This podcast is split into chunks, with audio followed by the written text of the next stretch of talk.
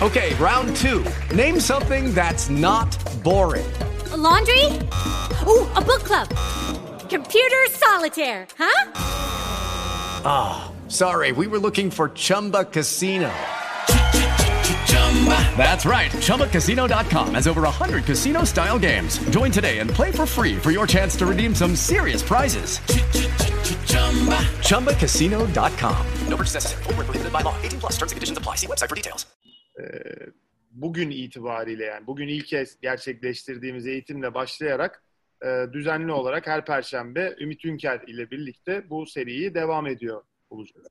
E, burada niyetimiz aslında bizim bir Ekmop Akademi diye bir hayalimiz var. Kurduğumuz kafamızda hep bizi heyecanlandıran bir satış personelinin hangi seviyede olursa olsun e, kariyeri boyunca ihtiyaç duyacağı her noktayla ilgili bizim bir içeriğimiz olmasını istiyoruz.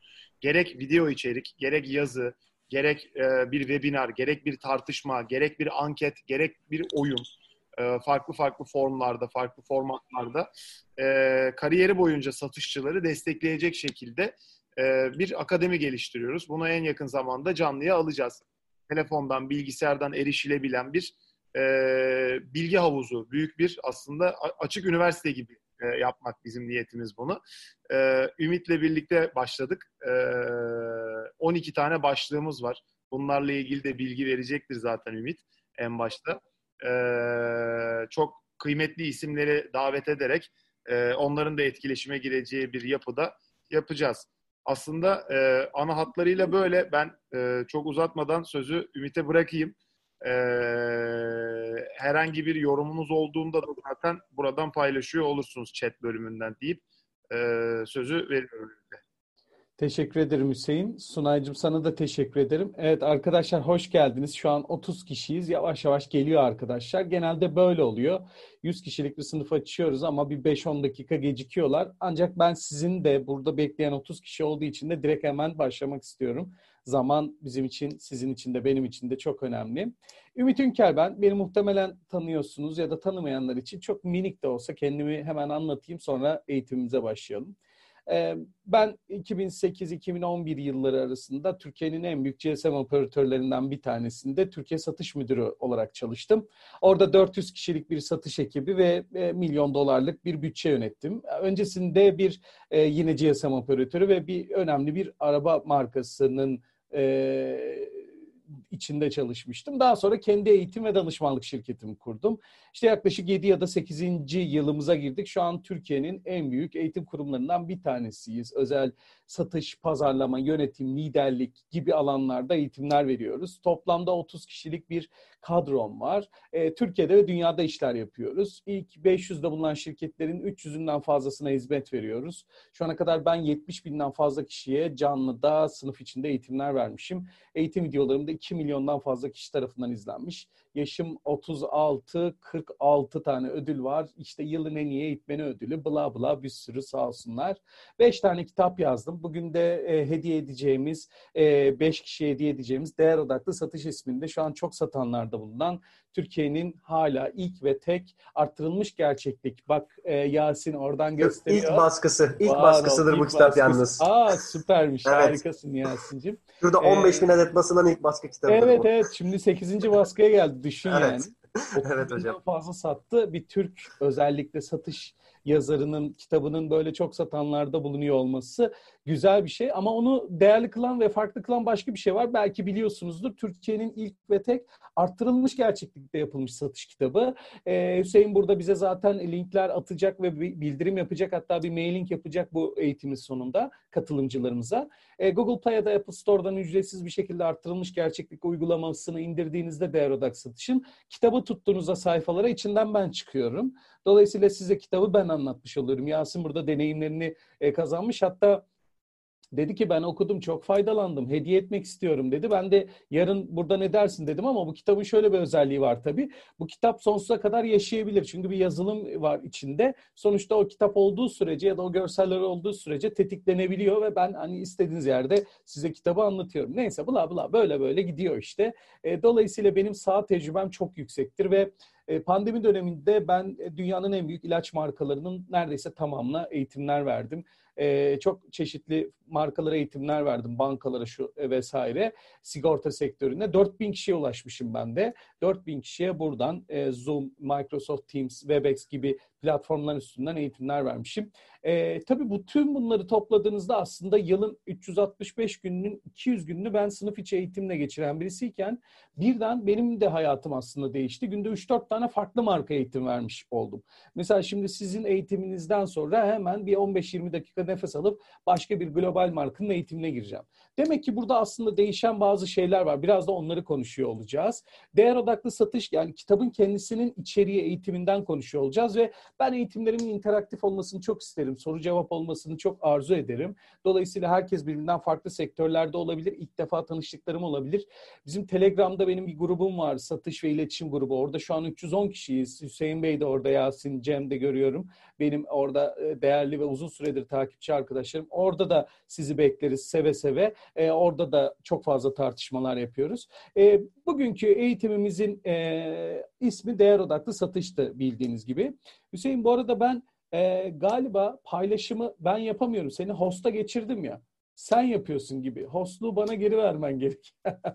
Çok önemli değil sunum kendisi. Ben yine sunum yaparım ama yine de hani bir bak bakalım. Ben çünkü sunumu şehret dediğimde sen değilsin ki diyor host. Hostluğumu kazanmak istiyorum. Beni tekrar host yap ya da kendimi host yapayım tek yapabiliyorsan. Yapamıyorum mesela ben. Zoom'da öyle bir özellik var evet. Yani e, toplantı sahibinin dışında hiç kimse paylaşım yapamıyor. O Maalesef. zaman hostluğumu geri ver Hüseyin. ne yapıyorsun? Kendin üstünde geliyorsun. Orada üç tık var. Evet teşekkür ederim Hüseyin'ciğim. Hostluğumu senden aldım. Kayıt düştü ama. Record ediyordun. Ben devam ettireceğim. Be- bekle.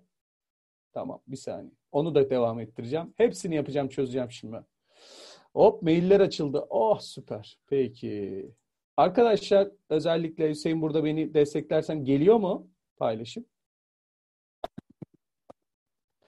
Peki bu arada sizler için kaydı da bir açayım ben. Bakayım. Hmm. Evet. Şimdi başlayalım. Yavaş yavaş. Önce şuradan kaydı açmam lazım. Kayıt akıyor galiba değil mi Hüseyin? Kayıttayız galiba. Değilsek de artık yapacak bir şey yok. Bu eğitimi kaydedemeyeceğiz. Evet arkadaşlar sunum galiba zaten ekranınızda. Bugünkü eğitimimizin ismi değer odaklı satış. Bir saatlik bir zamanımız var. Böyle 45-50 dakikalık bir şeyler anlatacağım. Üstüne konuşacağız. Umarım hani e, sesim de geliyordur. Ekrana e, görsel de yansımıştır. Zaten şu an 40 kişiye ulaştık. Yavaş yavaş artıyor. Şimdi arkadaşlar e, değer odaklı satıştan bahsetmeden önce aslında değerin ne olduğunu biraz bahsetmek lazım. Her eğitimin ya da her eğitmende duyduğunuz klasik bir yaklaşım var tabii. İletişimin kendi boyutu. İşte o bu beden dili, ses tonu, sözcükler vesaire vesaire. Biz bunların üstüne çok durmayacağız ama önce bir değeri tanımlamak lazım. Değer ne demek? Değer e, en basit haliyle, en yalın haliyle anlatmak gerekirse bir şeye sahip olabilmek için katlandığımız acıların tamamına değer denir. Burada friksiyonlardan bahsederiz biz. Friksiyonlar işte bu fizikteki sürtünme, engellenme durumuna biliyorsunuz friksiyon deniyor. Aslında friksiyonlar bu engellerin bütünü değer parçacıkları diye görebilirsiniz. Hayatta yaşadığınız birçok şey var, elde ettiğiniz başarılar var, şu an mevcut kariyeriniz var ya da ulaşmak istediğiniz kariyerler var. Burada yaşadığınız zorluklar ya da engellere aslında e, demotive oluyor birçok arkadaşımız. Özellikle sağ satıcıların çoğu da ya da satıcıların çoğu da aslında bunları friksiyon olarak gördüğümüzde yani değerin oluşması için önemli parçalar bütünü olarak gördüğünüzde başka bir paradigmaya, başka bir düşünce şekline kapılmış oluyoruz. Mesela iyi bir satıcı evet'i duyabilmek için kaç tane hayırı duyabileceğini hesaplayabilen kişidir. Ben hayatım boyunca kendi içsel motivasyonumu şöyle kullandım ve hala böyle kullanmaya devam ediyorum. Örneğin 10 tane teklif verdim. Bunun 6 tanesi red geldiyse kalan 4 tanesinin evet geleceğiyle ilgili bir motivasyon oluşuyor bende. Ve şöyle diyorum. Red alacaklarım ya da olumsuz olacak her şey oldu. Evet duyabileceğim, olumlu olacak şeylere yaklaşmaya başladım. Çünkü belli bir sayıda bir şeye dokunmuştum. O sayıda tükeniyorsa evet yaklaşmıştır. Dolayısıyla biz red aldığımızda ya da müşterilerimizden olumsuz bir e, geri dönüş aldığımızda ya da teklifimiz onaylanmadığında düşmek yerine hemen bir sonraki teklifin oluşabileceği ya da olumlu olabileceği ile ilgili bir içgörü oluşturmamız, bir insight oluşturmamız gerekiyor. Değer odaklı satış temelde bunu anlatıyor. Diyor ki fiyat insanların ödediği değer satın aldıkları şeydir. Dolayısıyla eğer fiyat insanların ödediği değer satın aldıkları şeyse burada başka bir bakış açısı gerekiyor bize. Çünkü ucuz fiyat, pahalı fiyat diye bir şey vardır ama ucuz değer, pahalı değer diye bir şey yoktur siz de takdir edersiniz ki. Eğer değeri doğru tanımlar ve algılanan değeri doğru şekilde aktarabilirseniz karşı tarafa bu sefer ne oluyor fark olarak? Bu sefer de istediğiniz ücretten herhangi bir şeyi istediğiniz değerden satabiliyor oluyorsunuz. Hal böyle olunca iletişimde de aslına bakarsanız şöyle bir hızlıca üstünden geçelim. Biliyorsunuz beden dil iletişimi %55'lik kısmını, ses tonu iletişimi %38'lik bir kısmını, sözcüklerde %7'lik bir kısmını kapsıyor. Ne söylediğiniz değil, onu nasıl söylediğiniz çok önemli derler ya. Burada da biz aslında bunu biraz halo etkisine bağlıyoruz. Ne demek halo etkisi? Bir obje ya da herhangi bir nesnenin herhangi bir zaman içerisinde e, karşılaştığımızda işte bir kişi objenin iyi bir özelliğine odaklanarak ona başka pozitif ön yargılar atfetme özelliğine biz halo etkisi diyoruz. Genelde halo etkisini biz şöyle algılarız. Dış görünüşümüz, işte hani bir şekilde giyimimiz, kuşamımız, konuşmamız, işte e, ağzımızın kokması, ter vesaire gibi bütün bu etmenler satıcılarda çok aranan ter etkisinde konuşmayacağız. Biz biraz daha hal etkisinin iletişim boyutunu konuşacağız. Yani bu sesin tonunu. Şimdi değer satışında ana etkenlerden bir tanesi aslına bakarsanız algılanan değerdir ve önemli bir etmendir bu. Algılanan değer de siz ne kadar değerden bahsederseniz bahsedin. Karşı taraftaki kişi sizin dış görünüşünüze ve konuşma, iletişim yönetiminize siz değerler. Eğer kişilerin beklentilerini karşılıyorsanız zaten aldığınız paranın karşılığını verdiğiniz için bu normal bir beklenti yönetimidir. Fakat beklentilerin aşağısında bir performans sergiliyorsanız o zaman istediğiniz kadar kaliteli bir ürün sunduğunuzu düşünün ya da hizmet sunduğunu düşünün. Karşı taraftaki kişi bunu kalitesiz olarak algılar. Fakat beklentisinin üstünde bir performansınız varsa o zaman sunduğunuz ürün ya da hizmet normal ya da yalın olabilir ama çok fazla kaliteli ve çok fazla detaylı bir ürün olarak inanılmaz bir değer sunulmuş olarak insanlar algılar. Aslında çok basit ve yalın anlatımıyla değer zincirinin temelinde böyle bir şey var. Halo etkisinde de şu. Biz satıcılar genel olarak satma eylemi üstüne kas geliştiririz ve insanlara bir şeyleri anlatmak, bizim anlattıklarımızı almasıyla ilgili bir dürtümüz oluşur. Halbuki bizim love mark yaratmamız, yani aşık olunacak marka yaratmamız gerekiyor. Biz bir şeyi tanıtıyor olmamız ve karşı taraftaki insanların bunu almaya istekli olması, almayı arzu etmelerini gerekiyor. İşte bizim ana yapmamız gereken şey de markamızı, sunduğumuz ürün ya da hizmetleri doğru şekilde tanıtabilme kası. Eğer biz bunu yapabilirsek, iyi bir tanıtıcı, iyi bir anlatıcı olmaya başlarsak işte o zaman gerçek anlamda yavaş yavaş değeri ortaya çıkartmış olur. Çünkü insanlar çok fazla ne aldıklarına bakmazlar. Ya da doğru soru nasıl satarım değildir. Doğru soru insanlar niçin satın alırdır. İnsanların niçin satın aldığını bilirseniz herhangi bir ürün ya da hizmetinizi onlara çok daha rahat anlatabilirsiniz. Hal etkisinde de konuşmanız çok önemlidir. Satıcıların satış eğitiminden evvel, daha öncesinde ya da satış eğitimine paralel ya da bir şekilde daha önce satış eğitimi aldıysa sonrasında ama mutlaka iletişim yönetimi eğitimi alması lazım. Biliyorsunuz ben iletişim yönetimi master'ı yaptım. Orada görmüş olduğum e, dünya bizim aslında iletişemediğimizi gösteriyor. Biz genelde konuşuyor ve ses çıkartıyoruz. Bizim sesimizin tonunun sadece rengi olarak işte pes mi, tiz mi olarak ayrılmıyor bunlar. Crescendo ve decrescendo denilen şeyler var. Yani sesinizin bir perde yükselmesi, bazı noktalarda da bir perde düşmesi. Sesimizin yükselmesine crescendo, sesimizin alçalmasına bazı noktalarda düşmesine de decrescendo deriz. O yüzden mesela hipnotik dil kalıplarını satışta çok kullanırız. Bununla ilgili tonlarca makalem var. Biliyorsunuz ben Milliyet'te köşe yazarıyım. Harvard'da e, makalelerim webde yayınlanıyor. Burada bir sürü çalışmalarım var. Eğer yakından takip ediyorsanız buradaki söylediğim şeylerin makale karşılıklarını da bulabilirsiniz. Telegram grubumuzda sürekli o linkleri paylaşıyorum. Arkadaşları da geçen paylaştım. Hipnotik satış tekniklerinde. Orada çok özel şeyler var. Mesela bir cümle kalıbı var. Ve burada sizin için önemli olan mesela bu bir kalıp. Bu bir hipnotik kalıp. Ve burada sizin için önemli olan dediğimiz o cümle kalıbını biz crescendo'da değil ya da normal konuşma şeklimizde değil decrescendo'da bir perde aşağıda söyleriz. Mesela bir şey anlatırız ürünümüz, hizmetimizi sonra deriz ki e, burada sizin için önemli olan şu şu şu şu şu. Çünkü benim için önemli olmasındansa müşterimiz için önemli olması çok daha iyidir. Bu yüzden de kelimelerin de kullanımını iyi öğrenmemiz lazım. Biliyorsunuz hipnotik dil kalıplarında belli başlı kelime öbekleri var, grupları var. Bu konuda Hüseyin bahsedecektir zaten. Ee, biz böyle 12 hafta boyunca devam edecek 12 farklı eğitim koyduk. Bunlardan bir tanesi de sonuç aldıran hipnotik satış teknikleri. Bir kelime grupları var. O kelime gruplarını doğru şekilde sıralandırırsanız karşınızdaki kişiye istediğiniz zaman evet dedirttirebilir ya da hayır dedirttirebilirsiniz. İşte bunun gibi durumlarda aslında biz halo etkisini konuşmada da yansıtabiliriz. Ha, karizmatik konuşma motifi denen bir şey vardır. İnsanlar siz konuşurken sizden ilham alabilir ya da sesinizin tonu ve sesinizi kullanma şeklinizde kullandığınız metaforlar, analojiler yani analoji ne demek? İşte çok sinirli bir adam için düdüklü tencere gibiydi. Ya da çivi gibi adam, aslan gibi adam, çivi gibi çocuk gibi kullandığımız o bütün o e, terimler aslında analojidir. TDK'ya göre Türk Dil Kurumu'nun 150 binden fazla 150 binden fazla kelimemizin olduğunu söylüyor. Ama siz de biliyorsunuz ki dünyada bir kişi yılda 12 kitap okurken Türkiye'de 12 kişi yılda bir kitap okuyor. Ve okumadığımız için kelime haznemiz çok dar ve insanlar kelimeleriyle hayal kurarlar. Hal böyle olunca satıcıların da entelektüel sermayelerinin çok yüksek olması gerekir. Yalnızca kişisel gelişim kitapları ya da satış kitapları değil, aslında literatürü tarayacak ve aynı zamanda onların entelektüel sermayesini arttıracak iletişim yönetimleri, belki bazı başlı romanlar gibi sürekli okuyor olmamız gerekiyor. Çünkü bizim işimiz sanıldığının aksine kelimelerle. Biz iyi iletişim yöneticileri olmalıyız. İletişimi yönetirseniz dünyayı yönetirsiniz. Bu yüzden hal etkisinin üstünde biraz fazlaca durdum. Hal etkisi yalnızca dış görünüşte olmaz. Aynı zamanda sizin kullandığınız iletişim yönetimiyle olur. Bu seri değer odaklı satışla başladı ama modüler halde her hafta devam edecek. Eğer ilginizi çekiyorsa bundan sonrakileri de merak edip bir gelişim haritası e, yaratmak istiyorsanız zaten her hafta sizi burada Ekmop'un sponsorluğunda düzenlenecek her perşembe fix 11-12 arasında bekleriz arkadaşlar.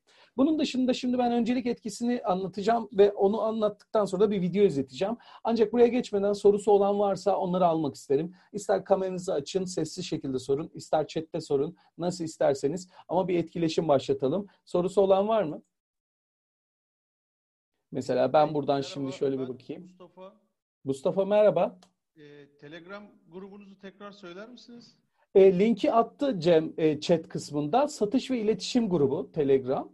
Teşekkür Hüseyin ederim. Bey de orada zaten. Hüseyin Bey mail atarken linki de size atar zaten. Bekleriz. Orada dünyanın e, çeşitli yerlerinden üst düzey yöneticilerin de olduğu kişiler var. Çok güzel, kaliteli bir grup. E, orada biz her gün satış ve iletişim üstüne konuşur ve bir şeyler paylaşırız Mustafa Bey. Onun dışında sorunuz var mı ya da sorusu olan var mı?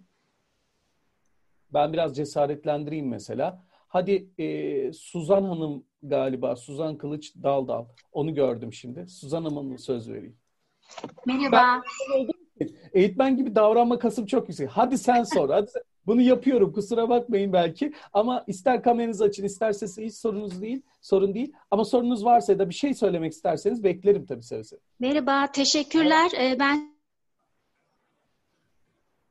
Tabii düştü. Ee, bu tarz durumlar burada yaşanabiliyor. Peki başka sorusu olan var mı? Ha geldi geri galiba. Ha geldiniz şimdi Suzan Hanım. merhaba Ümit Bey. Ben sizi Volkan'dan tanıma fırsatı buldum. Ee, uzmanlığım e, Türk Patent Kurumu'nda çalışıyorum ben. Ah çok güzel. Ee, evet. Bu konuda tezleriniz de var markayla ilgili gördüm. Ee, Evet. Çok ilgimi çekti. Ee, bu süreçte e, sizi takip ediyorum. Ee, grubunuzda da yer alıyorum. Şu anda sorun yok. Çok teşekkür Süper. ederim. Görüşmek üzere. Harika. Çok teşekkür ederim. Sağ olun. O zaman e, gördüğünüz gibi TÜBİTAK'tan tutun da aklınıza gelecek birçok kurumdan aslında kişiler var. E, şimdi e, ben şöyle yapayım. Bir mute all yapayım ki sesler birbirine hepsi herkesin karışmasın. Ancak şöyle söyleyebilirim arkadaşlar. E, e, şu anda 40 kişiyi aştık zaten. E, bu aynı zamanda bir networking. Yani iyi satıcıların biliyorsunuz e, iyi bir network ağına sahip olması da gerekir. Dolayısıyla iyi bir çevremizin olması da bizim için çok kritiktir. Hal böyle olunca bu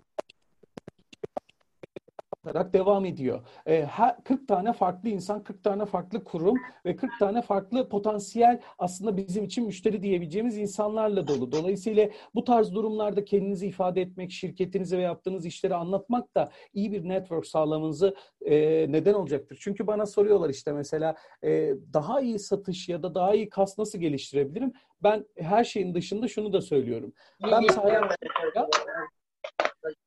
e, bana söylemediniz galiba zaten. Arkadaşlar. E, Sanırım doğru Ufuk Bey'in zamanda sesinde ciddi bir karışıklık oluyor hocam. efendim Ufuk Bey'in sesinde bir karışıklık oluyordu. Şimdi mikrofonunu kapattı. Ha, Orada çok karışıklık geldi. Evet evet. Tamam peki. Ben şimdi birazdan mutolu yaparım zaten. E, zaten hani şöyle yapalım arkadaşlar. Konuşmuyorsanız mikrofonu kapatın. Eğer konuşuyorsanız açın zaten kapattılar kendileri. Şimdi ben hayatım boyunca doğru zamanda doğru insanlarla yemek yemişimdir. Hep böyle düşünü- düşünüyorum. Dolayısıyla benim sesimde donma var mı? Yok değil mi? Ha. Dolayısıyla aslında network dediğimiz şey böyle bir, bazen network marketingle karıştırılıyor. Halbuki benim bahsettiğim bir network ağ yani bir iş çevresi dünyası. Değer odaklı satışın temelinde de böyle bir şey var. Her birinize eğer arzu ederseniz Asla Yalnız Yeme diye bir kitap tavsiye ediyorum. Lütfen hani böyle bir hareket başlatalım Hüseyin. Her hafta ben bir kitap önerisinde bulunayım ve bu arkadaşlarımız kitap okusunlar ve bir sonraki eğitime katıldığında o kitabı da irdeleyelim. Ya da başka seanslar da yapalım. Yani benim amacım gerçek anlamda Hüseyin beni tanır. E, Hüseyin de Ekmok'ta e, üst düzey yönetici pazarlamanın başında çok değerli genius bir arkadaşım. E, ben gerçekten katkı sağlamayı çok seven bir adamım. Telegram grubumdaki insanlar da bilir. Okumak, öğrenmek hepimiz için çok iyi, bir şey. Bu yüzden de biz aslında çok kısa bir zamanda ben şimdi burada dört günlük bir eğitimi bir saatte tabii ki veremeyeceğim. Ama farkındalık yaratmaya çalışıyorum. Belli bir düzeye gelebilmek için de bir şeyler başlatmak istiyorum. O yüzden asla yalnız yeme. Bu kitabı okumanızı rica edeceğim. Orada bayağı bir cevap bulabileceksiniz. Şimdi gelelim kendi konumuza. Sonra yavaş yavaş siz açılacaksınız zaten. Sorular gelecek. Ben yavaş yavaş zorluyorum sizi belki ama öncelik etkisinden biraz bahsedelim. Yine iletişimden girmiştik. Öncelik etkisi ne? Aslında şu arkadaşlar. Şimdi burada ciddi, çalışkan, yaratıcı, değişken, detaycı ve aşırı dürüst diye bir şey görüyorsunuz. Hemen yandaki blokta da aşırı dürüst, detaycı, değişken, yaratıcı ve çalışkan diye başka bir kelime öbeği görüyorsunuz. Burada şöyle bir şey var. Aslına bakarsanız bu kelimeler arasında bir farklılık var. Pozitif içseller deniyor buna. Pozitif içseller ne demek? Konuştuğumuz, kurduğumuz kelimelerin öncelik sıralamaları demek. Yani her bir kelimenin kendine ait belli bir ağırlığı var. Bu ağırlığın içerisinde pozitif içselli kelimeler bir de negatif içselli kelimeler var. Eğer konuşmaya başladığınızda kurduğunuz kelimeleri daha öncesinden tasarlayıp planlamazsanız, gelişi güzel konuşursanız o zaman öncelik etkisinde bazı problemler yaşayabiliriz. Mesela birazdan izleyeceğimiz videoda tek yumurta iki ikizin bir iş görüşmesine gittiğinde bir tanesi diyor ki ben ciddiyim, çalışkanım, yaratıcıyım, değişkenim, detaycı ve aşırı dürüstüm diyor. Diğeri de gidiyor diyor ki ben aşırı dürüst birisiyim, detaycıyım, değişkenim, yaratıcıyım, çalışkan ve ciddiyim. Bu ikisine baktıklarında sizce hangisini daha çok işe alıyorlar? Elbette pozitif içselli olan yani pozitif içselli kelimeleri kullananlar yani ilk bloktaki olanlar. Dolayısıyla beynimiz öncelik etkisi şöyle bir şeydir. Beynimiz ilk söylediğimiz iki kelimeyi alır. Ondan sonra söylenilen kelimeleri blokelajlar yani kapatır. Dolayısıyla bizim satıcılar olarak kelime haznemizi genişletmekle beraber aynı zamanda da konuşma yetimizi de arttırmamız gerekiyor. Çünkü biz genelde ses çıkartıyoruz. Biliyorsunuz mesela işte hoş geldiniz kelimesini tonlayalım. Hoş geldiniz. Hoş geldiniz, sefa getirdiniz, başımızın üstünde yeriniz var demekle beraber aynı kelimeyi şöyle tonlayabilirsiniz. Hoş geldiniz. Nereden geldi bu kahretsin dermiş gibi. Hal böyle olunca kelimeler aynıdır ama bir de üstüne mutlaka tonlamalar gider. Şöyle bayağı bir chat var. Bir bakayım sorular mı var? Kitabın adı lütfen ses gidip geliyordu. Tamam. Asla yalnız yeme. Evet arkadaşlar cevap vermişler. Peki şimdi ben buradan bir e, sizinle e, videoyu paylaşacağım. Bir video izleyeceğiz. Ondan sonra üstüne konuşacağız zaten. Bakayım videomuz burada. Rahat. Kontrolü ele alıp başkalarını ikna edebilmek harika olmaz mıydı? Mesela bir işe başvururken nasıl daha ikna edici olabileceğinizi bilmek istemez miydiniz? Nobel ödüllü ekonomist Daniel Kahneman'ın muhteşem kitabı Hızlı ve Yavaş Düşünmekte tanımladığı bir deneyi tekrar canlandırmak üzereyiz. Birkaç gönüllüden gün boyunca patronu oynayıp aynı iş için başvuran iki adayla görüşmesini istedik. Siz de bu oyuna katılıp hangi adayı işe alacağınıza karar verin. Dikkatle dinleyin. Görüşmeler hızlı geçecek. İşte birinci aday geliyor. Dikkatinizi verin. Merhaba. Merhaba, ben Stephanie. Stefani. Ben de Rico. Memnun oldum. Otur lütfen. Harika. Bizi nereden duydun? Okulumdan. Tamam. Peki biraz kendinden bahset. Ciddi, çalışkan ve yaratıcıyım diyebilirim. Aynı zamanda değişken, detaycı ve aşırı dürüst biriyimdir. Pekala, birinci adayımızı gördünüz. Ne düşünüyorsunuz? Şimdi ikinci adayı izlemeye hazır olun. Merhaba, Merhaba. ben Stacy. İşte deneyin anahtarı. Deneyimizde aynı özgeçmişlere sahip tek yumurta ikizlerini kullanıyoruz. Böylelikle adayların kendi ifadeleri dışındaki tüm değişkenleri ortadan kaldırıyoruz. İkinci adayı dikkatle dinleyin. Ona göre bir karar vereceksiniz. Bana biraz kendinden bahset. Aa, aşırı dürüst, detaycı ve değişken diyebilirim. Ama aynı zamanda yaratıcı, çalışkan ve ciddiyim.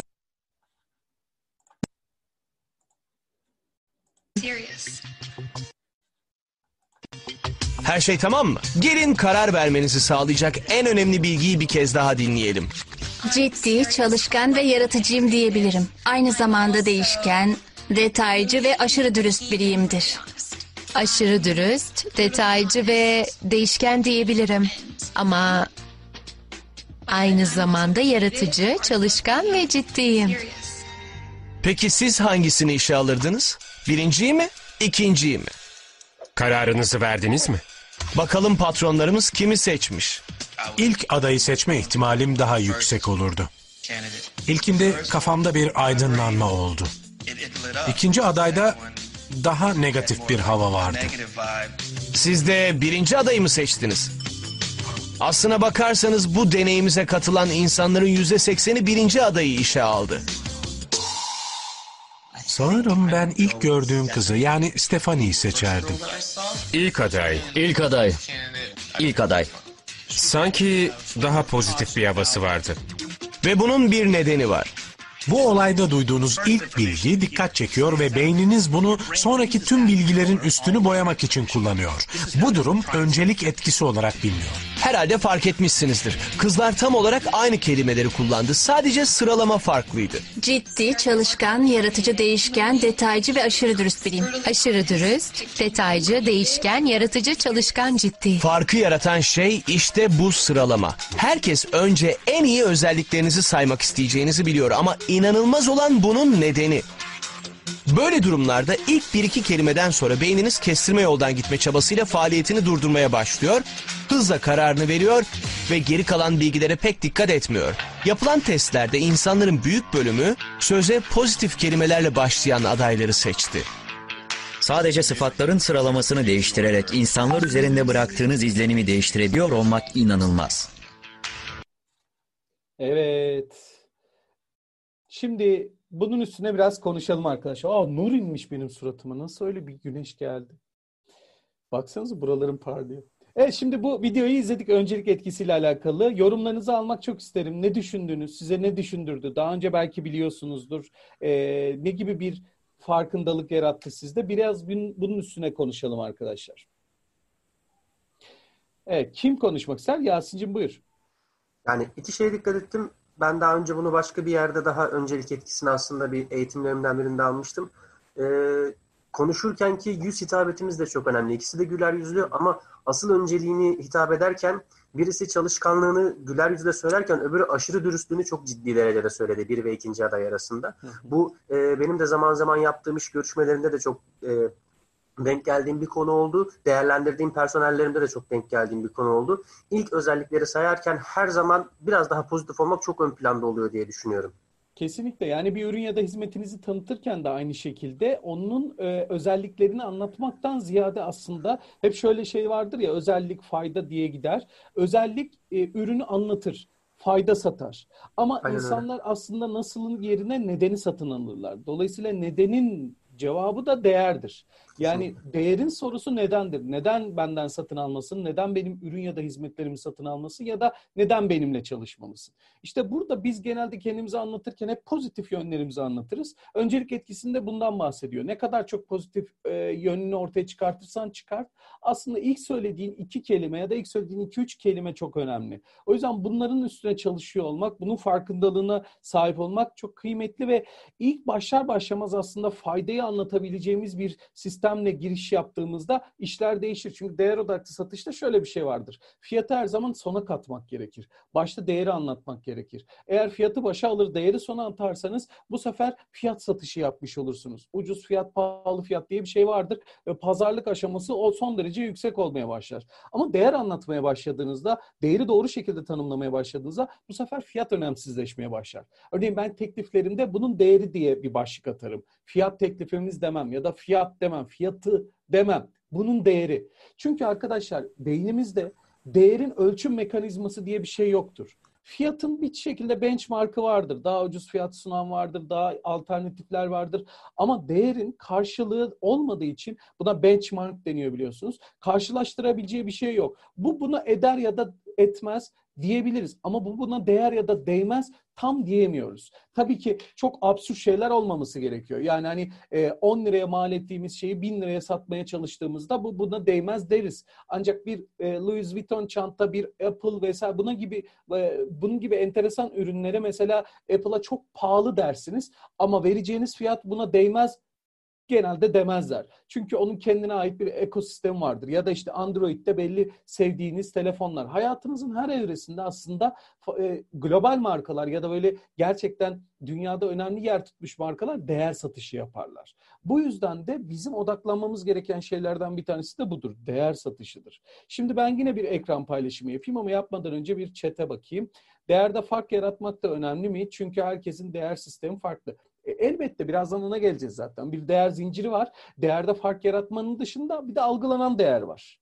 Siz ne kadar değerden bahsederseniz bahsedin karşı tarafın algıladığı değer bizim için çok önemli. İşte ben mesela ne bileyim her bana bir ürün ya da hizmet sunuyorsunuz. O o ürün ya da hizmet sizin sunduğunuz gibi ben algılamıyorum. Ya da ne bileyim hava yolları şirketiyle ilgili düşünün mesela. Bazı hava yolu şirketini ucuz, low cost bir hava yolu şirketi olduğu için siz onu şey görüyor olabilirsiniz yani daha değersiz görüyor olabilirsiniz. Halbuki ikisi de Boeing'tir ve ikisi de 65 milyon euroluk uçaktır. Arada aslında bir şey yok. Bindiğiniz uçak aynı. İkisi de Boeing'in. Ama e, bir marka değeri, algıl değeri ve aynı zamanda onu sunma değeriyle alakalı bir şey vardır. Şimdi başka bir soru var bakalım. Müşteri ilk girişte kendimizi ve şirketimizi daha rahat nasıl etkileriz? Şimdi ilk giriş dediğimizde o ilk etki prensibi bir halo etkisiyle olur. İkincisi Profesör Doktor Robert Caldini iki yüksek lisans grubu öğrencisini alıp ikiye ayırıyor. A grubuna diyor ki alın size bir ürün ve bunu hemen diyor karşı taraftaki kişi gelir gelmez tanıtın, anlatın, satın. B grubundan da diyor ki aynı ürün size veriyorum ama bunu gelir gelmez karşı taraftaki kişiye hemen anlatmayın. Samimi bir diyalogla başlayın ondan sonra geçiş yapıp satışa geçin diyor. Sonra ikisini de ölçüyor. Ee, sonra bir bakıyor ki A grubundaki kişilerin satış kapamırını yüzde elli. Ama B grubunda samimi bir diyalogla başlayan kişilerin satış kapama oranı ise yüzde doksan. Buradan da şu çıkarım oluyor. İnsanlar beğendikleri kişilerden satın alırlar ya da beğendikleri bir başka kişiden satın alırlar. İnsanlar kimi beğenirler? İnsanlar kendilerine benzer kişileri beğenirler. İnsanlar aynı hedef doğrultusunda olan kişileri beğenirler ve insanlar kendilerine iltifat eden kişileri beğenirler. İşte bu yüzden ilk temas noktamızda biz müşterilerimizle relationship management denen o ilişki yönetiminde ortak noktaları iyi buluyor olmamız lazım.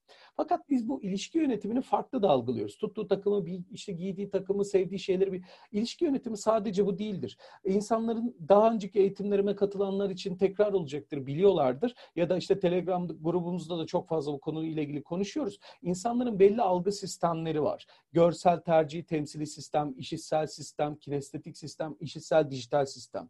Hal böyle olunca onların iletişim ve algı sistemlerini de iyi biliyor olmamız lazım. O zaman ortak noktaya getirebiliyoruz ve ilişkimizi devamlı ve düzgün şekilde yönetebiliyoruz. Örneğin görsel tercih sisteme sahip olan kişilerle görsel kelimelerle iletişim kurmak lazım. Görmek, bakmak gibi. Hal böyle olunca onlara soru sorarken de bunu nasıl görüyorsunuz diye bir soru sormak gerekir. Ama işitsel hafızaya sahip olanlar için de yüksek ses, kısık ses, sesle alakalı, e, ses tonlarıyla alakalı iletişim kurmak gerekir. Ona da soru sorarken bu kulağa nasıl geliyor gibi bir soru sormak gerekiyor. Demek ki ilk temas noktamızda da sadece onun sevdiği şeyleri bilmek değil, onun algıladığı algı sistemi, dünyayı algılama şeklinde iyi bilip o tarzda bir iletişim yürütmek lazım. Neydi?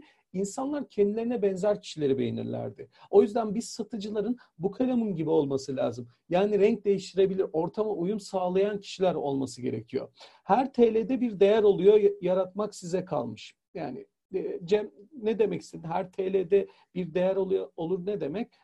Galiba e, Cem orada açıklar. Serdar demiş ki aslında insanlar güvendikleri ve kendilerine değer veren insanlardan alışveriş yaparlar değil mi? Tabii ki siz mesela aynı zamanda siz de bir müşterisiniz öyle düşünün. Siz size değer verilmediğini düşündüğünüzde nasıl davranırsınız? Biliyorsunuz ki eski beynimiz satın alma kararlarını verir ve eski beynimiz bencildir, ben merkezlidir. Hal böyle olunca eski beynimiz o markanın tamamıyla kendisi için yaratıldığını, sadece ona hizmet edilmesi gerektiğini düşünür. Hepimiz benciliz. Yaratılış itibarimizde böyleyiz. Hiçbirimiz ben bencil değilim diyemezsiniz. Önce kendimizi düşünürüz. Çünkü işte yargılanırken de tek başına yargılanırız. Ateş düştüğü yere yakar. Hep böyledir ya yani hep bireyseliz aslında. Bir aile bütünü, bir müşteri bütünü, işte bir grup bütünü, bir şirket bütünü kuruyoruz. Ama tekiz. Müşteriler de tek ve her zaman kendilerine özel hissedilmesini ve özel hizmet verilmesini isterler. Yasin ne demiş? Mühim olan ürünün fiyatı değil değeridir. 10 TL'lik ürün de değerlidir. O değeri algılatabilmek önemlidir.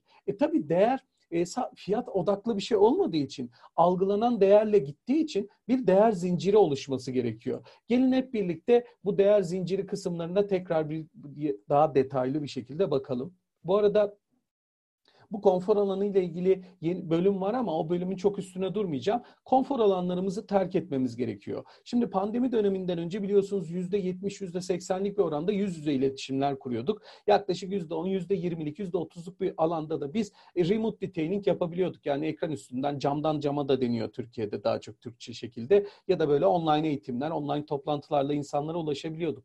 Birden pandemi diye bir şey geldi ve her şeyi alt üst etti. %100 bir şekilde e, online online detailing yapıyoruz. Yani detaylandırma yapıyoruz. Ee, bir şekilde insanlarla eğitimlerimizi, toplantılarımızı bunun üstünden yapıyoruz. Müşterilerimize remote şekilde uzaktan bağlanıyoruz. Fakat normalleşme başladı ve yavaş yavaş sahaya çıkmaya başladığımız bu dönemde daha önce ne e, güzel ki ben pandemi başladığında bunu söylemiştim. Pandemide normalleşmeye başladığında bu oran her şey ortadan kalkıp eski düzene e, geçeceğiz ya da geçemeyeceğiz gibi sert ayrımlar vardı. Ben şöyle diyordum. %50 yüz yüze görüşme olacak, %50 remote detailing yani yine online olacak. Şu an görüyorum ki yine tam anlamıyla sahada olamıyoruz. Belli bir kısım yine işimizin belli bir bölümünü hatta neredeyse yarısını, yarısından biraz daha fazlasını yine online'dan yapıyor. Ofislere gidiyoruz, geliyoruz ama müşterilerimizin bazıları bize gelmiyor. O zaman biz onlara online'da ulaşmaya çalışıyoruz. Bir buçuk, iki yıl, üç yıl belki de bizim için dört yıl bilemiyorum bilemiyorum o süreci, kestiremiyorum.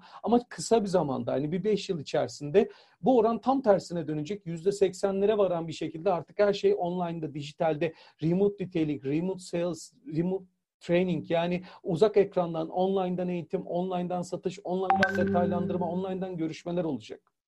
Böyle olunca da yüzde on, yüzde yirmi sahada olacağız. Sağ satış ekipleri bu konuda bir endişe etmesin. Fakat kalifikasyonlarını geliştirmesi gerekir. İşte ECMOP gibi CRM sistemleriyle yani Customer Relationship Management denilen o e, satış sağ müşteri ilişkileri yönetimini ve satıcıların performansını, verimliliğini arttıracak girişimler ve yazılımlar bize zaten bunun için varlığımızı sürdürmemizi sağlıyorlar. Ve biz müşterilerimizle bu sefer daha kaliteli hizmetler sunuyor olacağız. Daha kaliteli görüşmeler yapacağız. Görüşmelerimiz artık yarım saat, bir saat olmak yerine daha kısa olacak. Çünkü biz sunumlarımızı ya da detay aktarımlarımızı buradan online'dan yapabiliyor olacağız. Bu yüzden de artık konfor alanımızı terk etmemiz gerekiyor. Böyle bir şey var tabii. Böyle bir yol ayrımına geldiğinizde siz böyle bir yol ayrımında solu mu seçersiniz, sağ mı seçersiniz diye ben genelde soruyorum. E, herkes genelde işte solu seçerim diyor.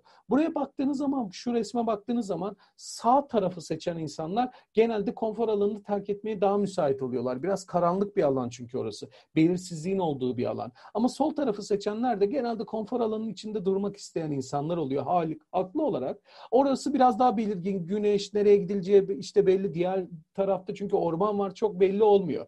İşte siz de kendinizi düşündüğünüzde kendi yolunuzu çizeceksiniz elbette ama bir yol ayrımına geldiyseniz ve seçmek zorunda kaldıysanız ortadan giderim diyemezsiniz. Arabaylısınız ve e, bu yolu ya sağdan takip edeceksiniz ya soldan takip edeceksiniz. Burada bazı şeyler hayatımızda bize böyle fazla seçenek sunmaz. Ya budur ya budur seçenekleri sunar. İşte bu yüzden müşterilerimize de e, sağdan gitmek ya da soldan gitmek gibi bir e, ayrıma girmelerini sağlamak yerine onlara hangi yoldan gidecek ya da birlikte o yolda nasıl yolculuk yapacağımızı anlatıyor olmamız çok önemli.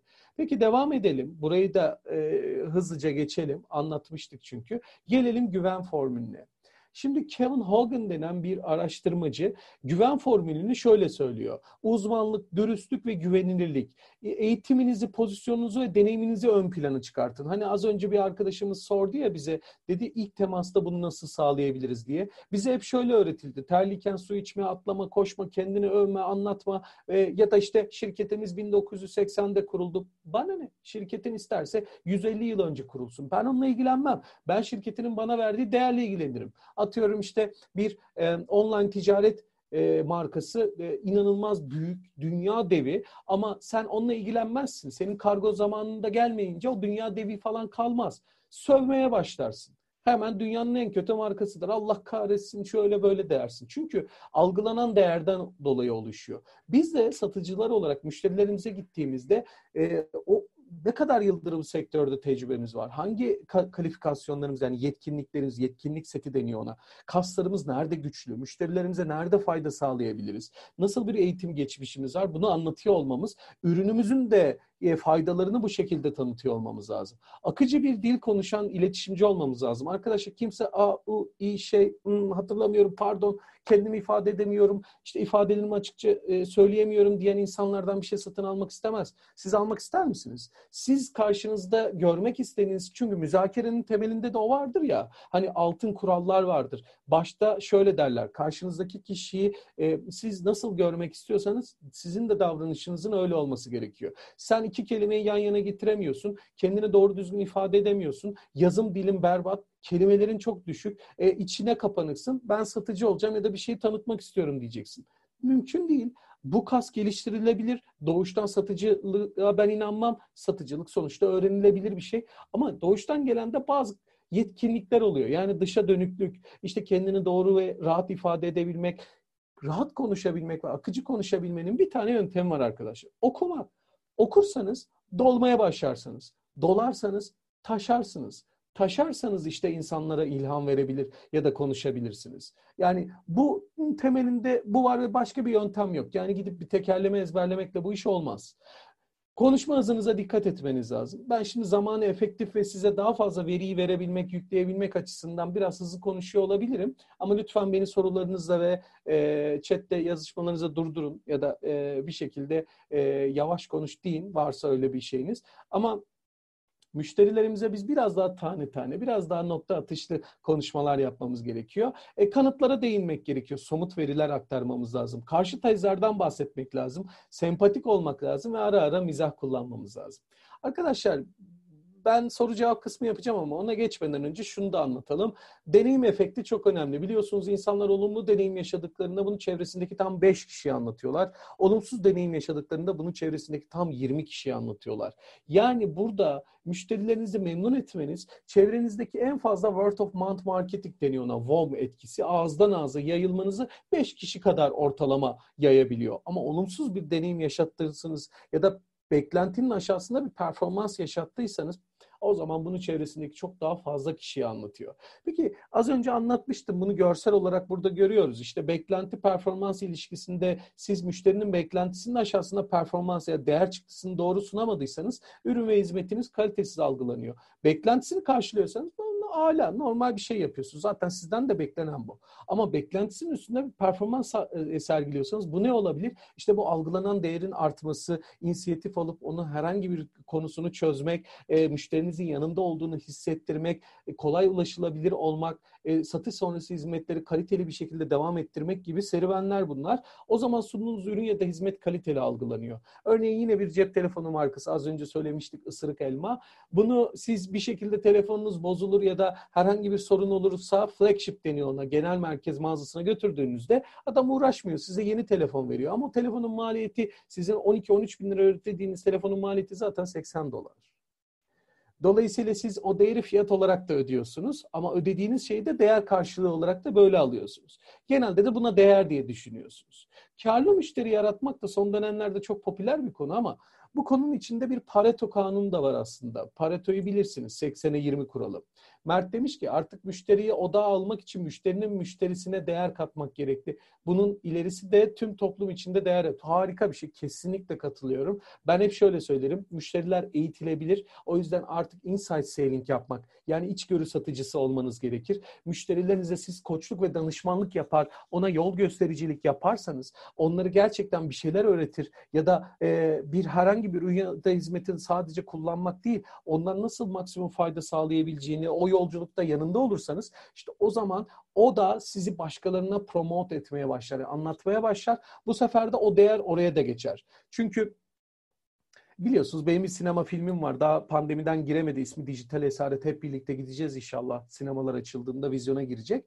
Şimdi e, bir tanemiz izleyecek, beğenecek. Gerçekten onu çok değerli görecek. Anlatacak. Git mutlaka diyecek. Bir tanesi hoşuna gitmeyecek.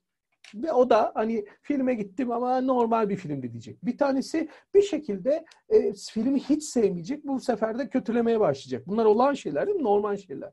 Dolayısıyla aslında bizim ana amacımız ne? Sinemada da bu efekt neden yaratılmaya çalışılıyor? Şundan dolayı. Sen bunu gör, bu değeri al, başkalarına anlat. Çünkü dünyada VOM yani ağızdan ağza pazarlamanın dışında bulunabilmiş başka en iyi pazarlama yöntemi yok bizim için en iyi pazarlama yöntemi ağızdan ağza pazarlama. Yani mesela yine o ısırık elma e, en iyi pazarlama stratejisi ne yapıyor? Abi fakir misin sen net bu telefonu kullanıyorsun alsana bir Apple diyor.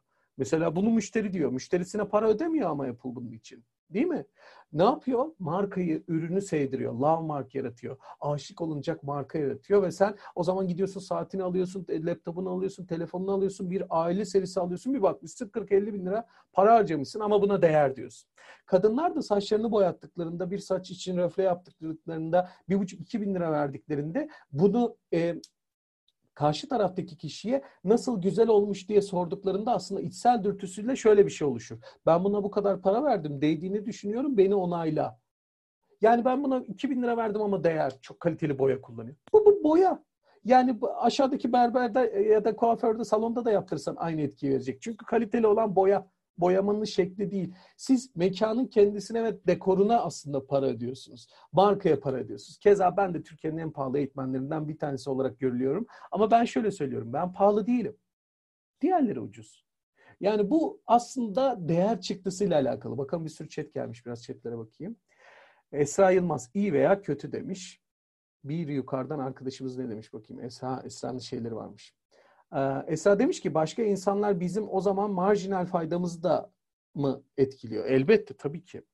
Ya da özelliklerini anlatmadan Apple başka Yahoo diyorlar. Aynen öyle. Çok güzel. iyi veya kötü. Cem ne demiş? Dijital cesaret tam zamanda yayına girecek. demiş. Mert demiş ki bu arada Simon Sinek'in Golden Circle'ını mı YouTube'dan izlememizi tavsiye ederim. Aynen. Yani altın çember konusu da şöyle. İnsanlar ne yaptığını hepimiz biliriz. Ya da o ürünün bize ne sağladığını biliriz. Bunu nasıl sağladığını da biliriz. Ve nasılın sorusunun cevabı aslında faydadır biliyorsunuz. Ama çoğumuz neyi yaptığımızı bilir, neyi nasıl yaptığımızı da bilmemize rağmen neden yaptığımızı bilmeyiz. İşte nedenin neden sorusunun cevabı değerdir. Karlı müşteri yaratımına baktığınız zaman da mevcut müşteriler özellikle şu pandemik dönemde, kriz dönemlerinde her zaman en karlı müşteridir. Çünkü sizde bir ticari e, serüvene başlamıştır, cari hesap açmıştır, ödemeleri düzenlidir ya da güveniyorsunuzdur. Yeni müşteri yaratmanın maliyeti mevcut müşteri yaratmanın maliyetinden daha pahalıdır. Ve müşterilerinizden gelen cironun %80'i müşterilerinizin %20'sinden gelir. Yani 100 tane müşteriniz varsa, cironuzda 10 milyonsa, cironuzun 8 milyonluk bir ana büyük kısmı sadece 20 tane müşterinizin üstünden geliyordur. Bu her zaman böyledir. Biz buna Pareto kanunu deriz. 80'e 20 kuralı. Buraya da bir göz atabilirsiniz. Şimdi değer odaklı yaklaşıma bakalım. Zamanınızı da çok fazla almak istemiyorum. Aslında 11.49 çok da iyi yönettik zamanımızı. Değer odaklı yaklaşımda bir değer zinciri var. Yani diyoruz ki biz müşteriye siz ne kadar e, şey konuşursanız konuşun bu değer kişiye göre değişiyor. Bu imajın değeri, personelin değeri, hizmetlerin değeri, ürünün değerinin toplamı toplam müşteri değerini oluşturuyor. Aynı zamanda mali maliyetler, zaman maliyetleri, enerji maliyetleri, psişik yani elde tutulamayan, görülemeyen, hissedilen bu maliyetler toplam müşteri maliyeti. Buna opportunity cost da diyebiliriz.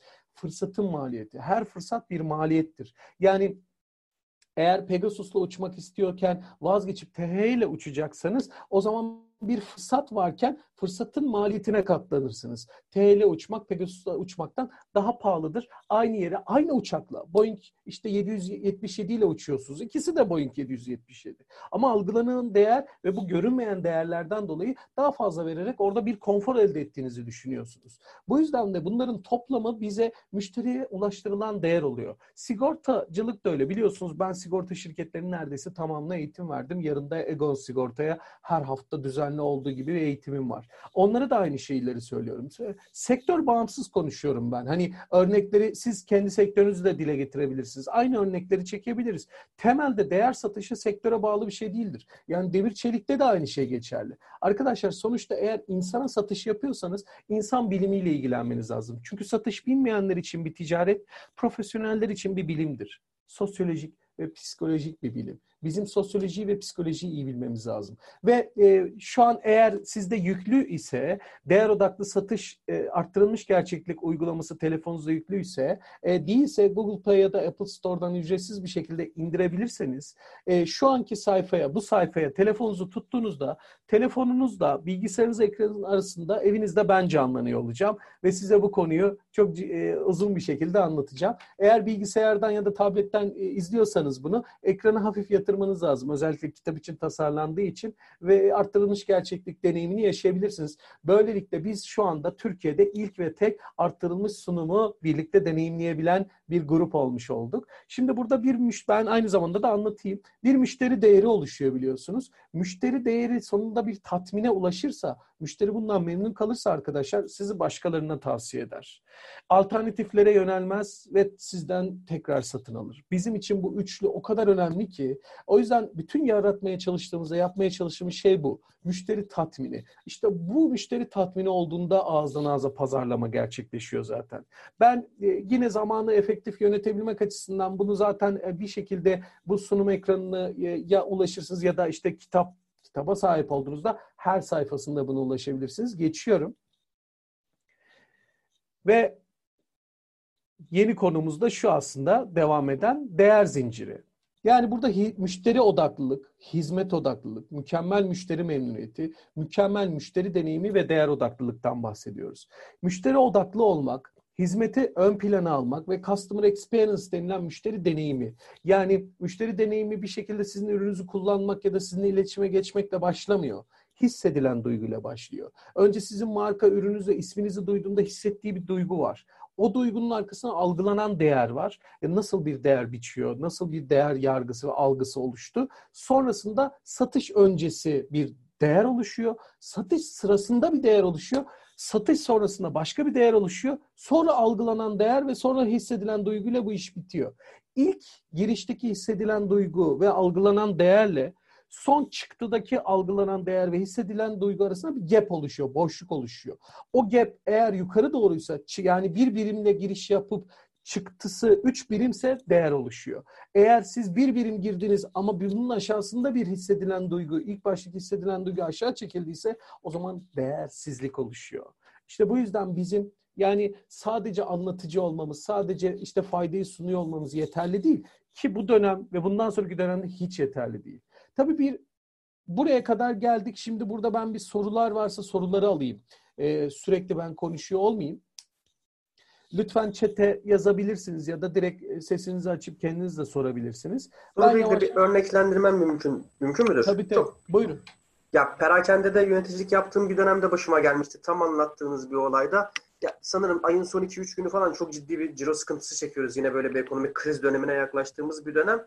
Bir müşteri geldi. E, benim o dönem uzun dönem gözlükçülük yaptığım bir dönemdeydi. E, X bir marka üzerine ciddi bir e, alışveriş gerçekleştirdi kendisi. Bayağı bir ilgilendim kendisiyle. Daha sonra yani şöyle söyleyeyim yaklaşık iki günde kalan arkadaşlarıyla beraber biz bildiğiniz orada hedefi tamamladık. Ve her Süper. geldiğinde de aynı şeyi söyledi. Evet işte bakın e, X kişi yani kişiler çok fazla önemli değil. Bu mağazadaki bu kişiler bu ürünlerin değerli hissettirdi bize diye sürekli bunu her geldi, getirdiği arkadaşına söylemişti. Anlattığınızda çok iyi örnekler oluyor bu. Süper süper. Çok sevindim. Peki bakalım chatte bir şey var. Mert demiş ki bu değer de ölçülmeli, ölçülemeyen yönetilemez. CRM programı kullanmak şart. E tabii yani işte bu yüzden özellikle CRM programları işte Ekmop'un burada bizim için çok büyük bir değeri oluşuyor. Özellikle sağ satış ekipleri için. Ölçmediğimiz şeyi yönetemeyiz. Ama müşterilerin algılanan değerini de ölçemeyiz. Algılanan değer ölçülebilir bir şey değil çünkü. O sizin markanıza size yüklediği değer biraz içeride oluşuyor. Bizim onu ölçmek yerine bizim onu yüksek seviyede yaratabiliyor olmamız gerekiyor. Ana amaç o. Yani işte lütfen yanlış anlamayın, ukalalık olarak kabul etmeyin ama ben 8 yıl boyunca Ümit Ünker denildiğinde nokta noktayı doldurmak için çabaladım. Şu anda da öyle biliyorsunuz benim hiçbir eğitimim ücretsiz olmaz. Ben ücretsiz eğitim açmam. Ee, Ekmop da bunun acısına katlanıyor. O sponsor ediyor, o benim kaşemi karşılıyor. Ama burada ben hep şunu yapmaya çalışıyorum. Büyük bir keyifle bu arada. Ha? Büyük bir keyifle. Eyvallah, teşekkür ederim. Ama mesela şimdi buradan şöyle söyleyeyim, 45 kişiyiz, 100 kişi kayıt oldu. Geri kalan 55 kişinin gelmemesi beni e, bir noktada etkilemez. Ama şöyle düşünüyorum. E, o kişilere acaba biz mi ulaşmakta zorluk yaşadık? Az önce işte WhatsApp'tan Hüseyin'e yazdım. Hüseyin e, bundan sonraki eğitimlerde başlamadan önce hatırlatsak mı? Çünkü benim WhatsApp'ım şeyle doldu. Hocam eğitim vardı unuttum girebilir miyim vesaire. Adam unutuyor. Bunun dışında kendi markanız ya da kendinizle alakalı hep bir itibar yönetimi yapıyor olmanız, markanızla ilgili itibar yönetimi yapıyor olmanız lazım. Değer sadece mesela çalıştığınız kurumla olmuyor. Siz de bir değersiniz. Önce kendi değerinizi bulmanız gerekiyor. Dijital itibar yönetiminizi de çok iyi yapmanız lazım. Yani siz isminiz yazıldığında böyle selfilerle işte gülücüklerle e, orada burada parklarda çekilmiş fotoğraflarla mı anılmak istiyorsunuz? Yoksa ortaya koyduğunuz bir değer, bir yazı, bir makale, bir çizim, bir fotoğraf, herhangi bir yetkinlik setinizin gözükmesini mi istiyorsunuz? Bakın LinkedIn'de yakın zamanda çok önemli bir marka insan kaynakları görüşmelerini remote nitelik olarak camdan cama yani bu online görüşme şeklinde yaptı. Adayların %90'ı nasıl görüneceğini ya da o, bu kamerayı nasıl kullanması gerektiğini, hangi kelimeleri kullanması gerektiğini bilemedi. Ve trak geldi, konuşamadılar. Ve biraz da sosyal medyalara baktılar. İş görüşmesinin %20'si de sosyal medya araştırmasıyla oldu. Ve adayların çok büyük bir kısmı elendi. Yani insan kaynakları da dijital formasyonda değişmeye başlıyor. Hayat böyle bir dönüşürken bizim normal klasik anladığımız satış yöntemlerinin de aynı şekilde devam etmesini bekleyemeyiz. Bu çok absürt olur. Ee, ne demiş? Suzan hatırlatma geldi demiş. Aa süper Hüseyin sen yaptın mı o hatırlatmayı? Ala süper. Abi Peki. yaptım yaptım tabii ki. Süper. Hadi insanlar bahane sunarlar dediğiniz gibi hiç önemli değil. Mehmet demiş ki marka sadakati ve değer doğru orantılı oluyor o zaman. Evet. Yani marka sadakatiyle değer birbirine örtüşüyor. Tam olarak e, marka sadakati değer diyemeyiz ama marka sadakati değeri oluşturan etmenlerden bir tanesi. Çünkü sadık müşteriler markaya bağlanmak, o markayı sevmek, marka üstünde hayaller kurmak, o markaya sahip olabilme dürtüsü değeri oluşturuyor. Çünkü insanlar bir şeye sahip olamama dürtüsünden dolayı bir şeye sahip olmak isterler. Zafer demiş ki B2B'de ilk defa yatırım yapacak bir müşteri var. Bizi de rakipleri de aynı miktarda tanıyor. Biz de rakipler de müşteri odaklı olduğumuzu gösteriyoruz. Pazarlama aktivitelerine önem veriyoruz. Artık takipçiler, rakipler de CRM kullanıyor. Onlar da eğitimden alıyor. Müşteri dönüp dolaşıp fiyata geliyor. Neyi farklı yapmalıyız? Somut örneklerle yanıtlamanızı rica edeceğim. Tamam. Şimdi biliyorsunuz ki ben aynı zamanda dünyanın en büyük yazılım şirketlerinden bir tanesi olan zaten bir tane onun satış akademisini kurdum. E, ve kurduğum satış akademide de aynı sorular çok denk geldi. Şimdi değer yaklaşımı şöyle oluşuyor. Şimdi sadece fiyatla değil. Mesela sunduğunuz ek faydalar. Sadece CRM sistemi. CRM sistemi size ilgilendiren bir şey. Müşteriyi ilgilendiren bir şey değil. Çünkü içgörü oluşturuyorsunuz. Şimdi o bölüme geldik zaten. Klasik yaklaşım olursa eğer rakipleriniz ve siz klasik satış yaklaşımıyla bulunursanız orada değer yaratmanız mümkün değil. Değer şöyle oluşuyor. Bir, bir kere markanızın ürünün tutundurulması ve bilinirliği açısından pazarlama aktivitelerinde 25 farklı yerde gözükmesi lazım. Otobüste, otobüs tutacağında, işte dergide, gazetede, televizyonda, orada burada, dijital mecrada. Eğer hiç televizyon reklamı vermiyorsanız ya da bütçe ona yeterli değilse bu sefer sürdürülebilir iletişimde kalıyor olmanız lazım. İki, Markanızın sevilen bir marka oluşabilmesi için müşterilerin hayatlarına dokunuyor olması lazım. Hayatlarıyla anlamlandırıyor olması lazım. O zaman sizin metaforlarla gerçek hayat hikayelerinde nasıl çözümler sunduğunuzu anlatacak bir blog yazıları ya da müşterilerinize dokunabileceğiniz hikayeler olması lazım. Üç, müşterileriniz bu ürün mesela bunu Ekmop çok güzel yapıyor. Ekmop'u kullananlar şöyle dedi. Belki bir alan yaratmanız, müşterilerinize bu konuyla ilgili içgörüler toplayabilmeniz için videolu, içselleştirilmiş e, görseller oluşturmanız ve bunu paylaşıyor olmanız lazım. Üç, müşterilerinizi sadece bayramda, seyranda stabil ve e, soğuk bir SMS ya da maille değil, onlara ziyaret sadece çay içmek için bile olsa ziyarete gitmeniz. Dört, pandemik dönemde müşterilerinize belki maske dağıtmanız, onların yanında olduğunuzu düşünmeniz özellikle pandemi dönemi içerisinde satış yapmak yerine onların herhangi bir ihtiyacını karşılayabilecek dürtüsel davranışlar sergiliyor olmanız.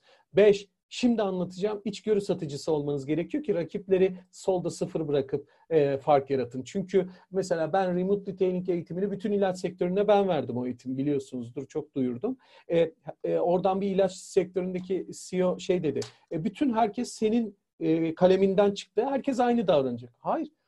Herkes analiz ve sentez denen bir şey vardır ya. Mesela işte geçen anlatmıştım tekrar anlatayım. Bir menemen yapmaktan metaforlayalım. Menemen yapmak için domatesler, biberler, soğanlar doğrarsınız. Bu analizdir. Ama kendi menemeninizi yapmak sentezdir. Ben size anlatırım ama kendi işinizle oranlayıp bunu doğru bir şekilde kullanırsanız sentez yaparsınız. Bu genel açık bir eğitim olduğu için genel cevaplar veriyorum. Sizin ürününüz kim bilmiyorum. Yetkinlikleriniz kim bilmiyorum. Siz kimsiniz bilmiyorum. Sizin yetkinlikleriniz, kalifikasyonlarınız ne bilmiyorum. Bütçe gücünüz ne? Pazarlama aktivitesi diyorsunuz. Ne kadar büyük pazarlama aktivitesi yapabiliyorsunuz?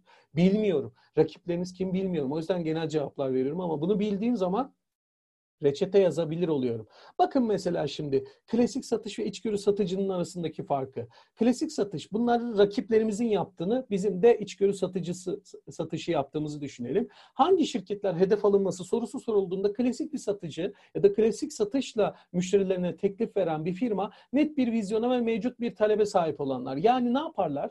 Şöyle bir şey yaparlar. Talep gelir, talebi alır, tekliflendirir. İçgörü satışı yapan bir firma ya da içgörü satıcılığı yapan bir satıcı ihtiyaçları gelişmekte olan veya bir değişim içinde olan çevik şirketlere odaklanır ve daha onun ihtiyacının farkına varmadan ona dokunmaya başlar. Müşteri hangi ihtiyaçları ele almalı sorusuna klasik satışta başlangıçta toplanması gereken bilgiler, ihtiyaç analizi denilen o genel şeyi yaparken içgörü satıcısı müşterinin farkında olmadığı ihtiyaçları neler ona odaklanır. Ne zaman bağlantıya geçilmeli dediğinde klasik satıcısı müşteri tedarikçinin çözebileceği bir sorunu tespit ettikten sonrayken içgörü satıcısı müşteri kendi sorununu belirlemeden önce aksiyona geçen taraftır.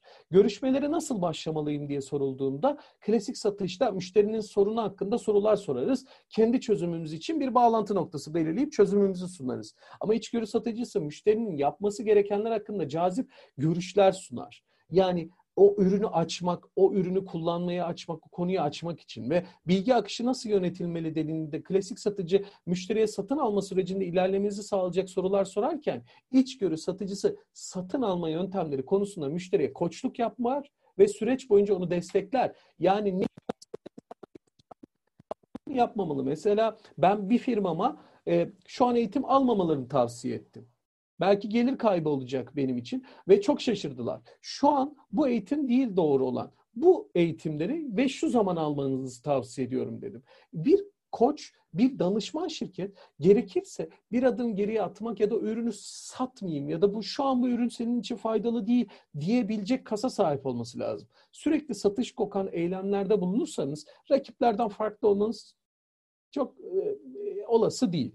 Peki e, bu arada Zafer Bey sorduğun soru çok güzel. Umarım tatmin edici cevap vermişimdir ama zamanında yönetebilmek açısından lütfen şu an benimle iletişim kurun. Daha da açabilirsiniz sorunuzu. Sesi sorabilirsiniz. Okumak zaman da alıyor. Ee, daha da örneği siz derinleştirebilirsiniz. Ben de üstüne o cevabı verebilirim. Mesela hedefimizi 2020 yılında mevcut müşterilerimizin tekrar satın alma oranını iki kat arttıracağız şeklinde koyuyorsak içgörümüz şudur tekrar satın almayı belirleyen ana faktör müşteri memnuniyeti ve elde edilen faydalar bütünü ise o zaman strateji şöyle olmalıdır. Yapacağımız iletişimde müşteri memnuniyet oranlarımızı ve bugüne kadar elde ettikleri faydaları vurgulamalıyız. Yani bir NPS, net performans skoru tutuyor olmamız lazım. Biliyorsunuz NPS'de ya da NTS'de deniyor ona net tavsiye skoru. Müşteriler sizinle temas ettiklerinde ona tekrar geri dönen bir ekip 1 ile 10 arasında bizi değerlendirir misiniz? Ürün, hizmet, kalite, size dokunan arkadaş, sizinle iletişim kuran arkadaş nasıldı? Bunu değerlendirdiklerinde NTS'de şöyle bir şey vardır. 1 ile 6 arasında verilen puanlar sıfır etkiye sahiptir. 7 ile 8 arasında verilen puanlar pasif bir etkiye sahiptir. Yalnızca 9 ve 10 arasında bir puan alırsa o NTS etki alanı yüksektir. Dolayısıyla bizim müşterilerimize soracağımız geri bildirim soruları da çok önemli ve bu sistemi tutmak da çok önemli. Ne demişiz? Zafer Bey demiş ki sizinle iletişimi geçeceğim çok teşekkürler. Ben de teşekkür ederim. Her zaman iletişim bilgilerimi paylaşayım şuradan. Benimle her zaman dilediğiniz an iletişime geçebilir, mail de atabilirsiniz. Hop, numaramı da yazıyorum. İşte bu tarz eğitimlere katılmanın en güzel yanı bu oluyor. Yani şimdi bu insanlar bunu izleyecekler ama sonuçta chatte yazı, benim yazdıklarımı göremeyecekler ya da iletişim bilgilerimi alamayacaklar. Eğitimi ağızdan ağza yayacağız. Bundan sonraki hafta buradaki 45 kişiyi bekliyorum. Üstüne 45 kişiyi daha getirmelerini bekliyorum. Ve son olarak çok işinize yarayacak bir şey daha anlatayım. Sonra kapatalım arkadaşlar. Bakın satışın bir formülü var. Ciro eşittir trafik çarpı sözleşme bölü trafik, çarpı adet bölü fatura, çarpı TL bölü dolar ve adet. Şimdi trafiği arttırmak için hizmeti arttırmamız gerekiyor. Tamam mı? Trafiği arttırmanın yolu hizmeti arttırmak. Neden? Deneyim efektinden hatırlayın. İnsanlar memnun kaldığında bunun çevresindeki kişileri anlatırlar. Perakendedeysen zor olan mağazanın içerisine adam sokmaktır zaten. Yani bunu pazarlama başardığında sizin oradan o adamı kaçırmamanız gerekiyor. Oradan o adamı kaçırdığınızda bu iş sıkıntılı oluyor. Bu yüzden e, perakende, perakende konuşuyorsak içeriye giren müşteri sayısı. Eğer outbound'da bir arama yapıyorsak, çağrı merkezinden bir şey konuşuyorsak o zaman da aradığımız kişi sayısı. Ya da biz müşterilerimize gidiyor, ziyaret yapıyorsak bir şekilde o door to door yapıyor, çat kapı yapıyor ya da işte randevu alarak gidiyorsak o zaman gittiğimiz müşteri sayısı. Bunların her biri trafik değil mi?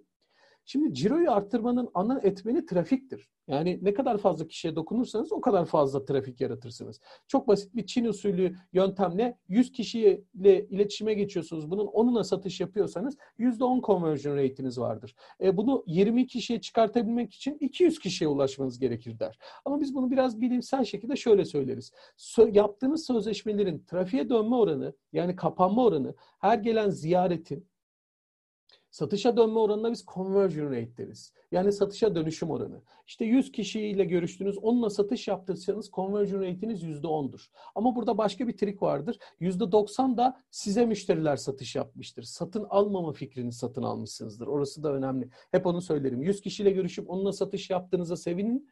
Ama 90 kişi de size satış yapmıştır farkına varın. Satın almama fikrini siz satın almışsınızdır. Çarpı adet bölü faturada average basket yani sepet başı ortalamadır.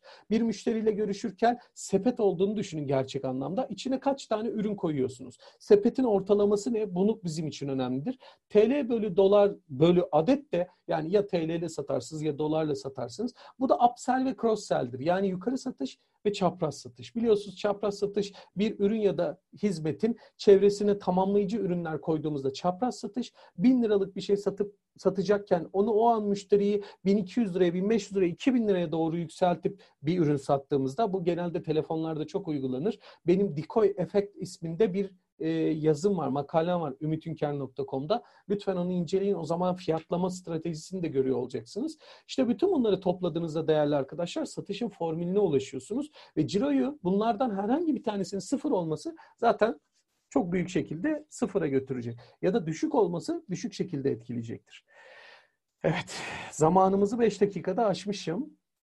Yani gezen kurt avlanır. Gezen kurt aç kalmaz. Aynen. Etkili iletişim de çok önemli. Evet.